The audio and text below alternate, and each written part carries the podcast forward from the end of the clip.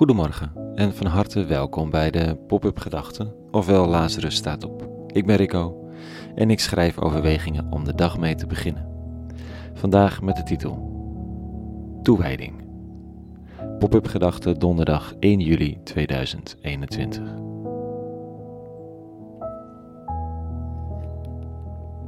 Dat je vader er nooit was, of je moeder dat de verwachtingen die je hebt van je kind zo hoog zijn dat je soms van elkaar vervreemdt.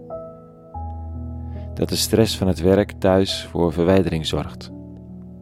Dat vriendschappen wegkwijnen omdat er nou eenmaal gewerkt moet worden, of gezorgd, of gestreden voor een of andere goede zaak.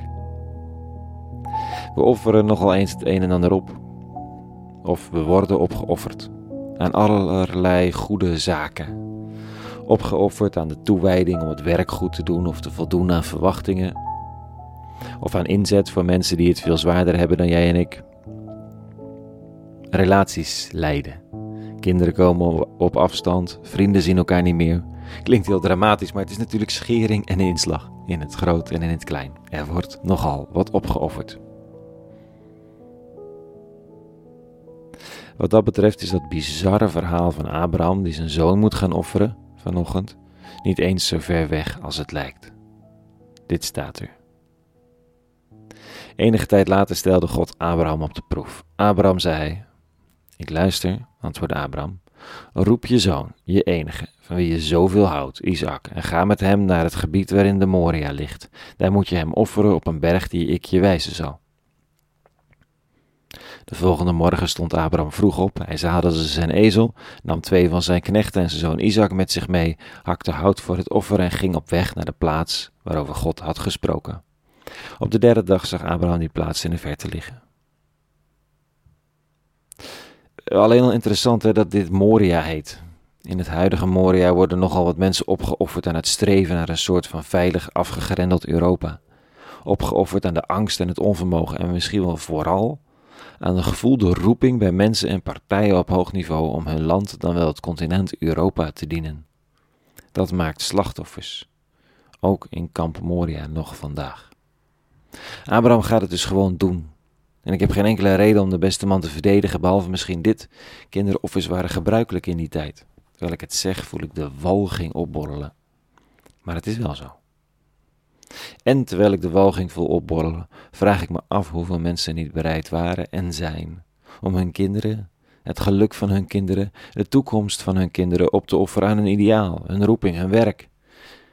En hoeveel kinderen er geestelijk leden aan een of andere gevoelde roeping. Misschien is de sleutel van het verhaal dan ook wel dit. Een engel van de Heer riep vanuit de hemel: Abraham, Abraham. Ik luister, antwoordde hij. Raak de jongen niet aan, doe hem niets. Hm. De eeuwige wil het offer niet. Punt. De toewijding wordt gewaardeerd in hoge mate, dat ook. Dat je bereid bent om zo het hart of de ziel of de roeping of wat dan ook te volgen. Ik vind het bijzonder, maar het staat er nou eenmaal. De toewijding wordt gewaardeerd. Het offer wordt echter niet aanvaard. De zoon gaat mee naar huis. Je mag die jongen gaan opvoeden, samenleven. Een geschenk uit de hemel, want de hemel wil het geschenk van de aarde niet. Mag je dat eigenlijk veralgemeniseren, dit verhaal? Ik weet het niet, dus doe ik het maar. De toewijding van vaders en moeders, van vrienden en politici, die bereid zijn, soms zelfs zonder dat ze het doorhebben, om allerlei offers te brengen, dat wordt gewaardeerd, maar het wordt niet geaccepteerd. Niet de kinderen, niet de familie, er zijn grenzen. De eeuwige zoekt toewijding, maar niet ten koste van Isaac. Je hoeft geen daad te stellen. Ook niet ten opzichte van de baas of ten opzichte van je geweten. Als de eeuwige je kind niet wil, of een vergelijkbare dierbare, dan vraagt geen enkele zaak of cause om zo'n offer. Wel de toewijding, niet het offer.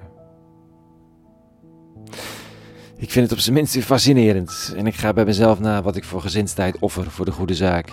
En of ik met dit verhaal in mijn achterhoofd nog eens wat keuzes mag gaan maken en lees hiervoor gezin vergelijkbare dierbare relaties.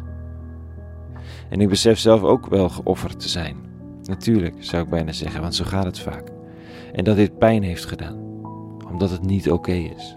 Niet alleen emotioneel niet oké, ook theologisch niet oké.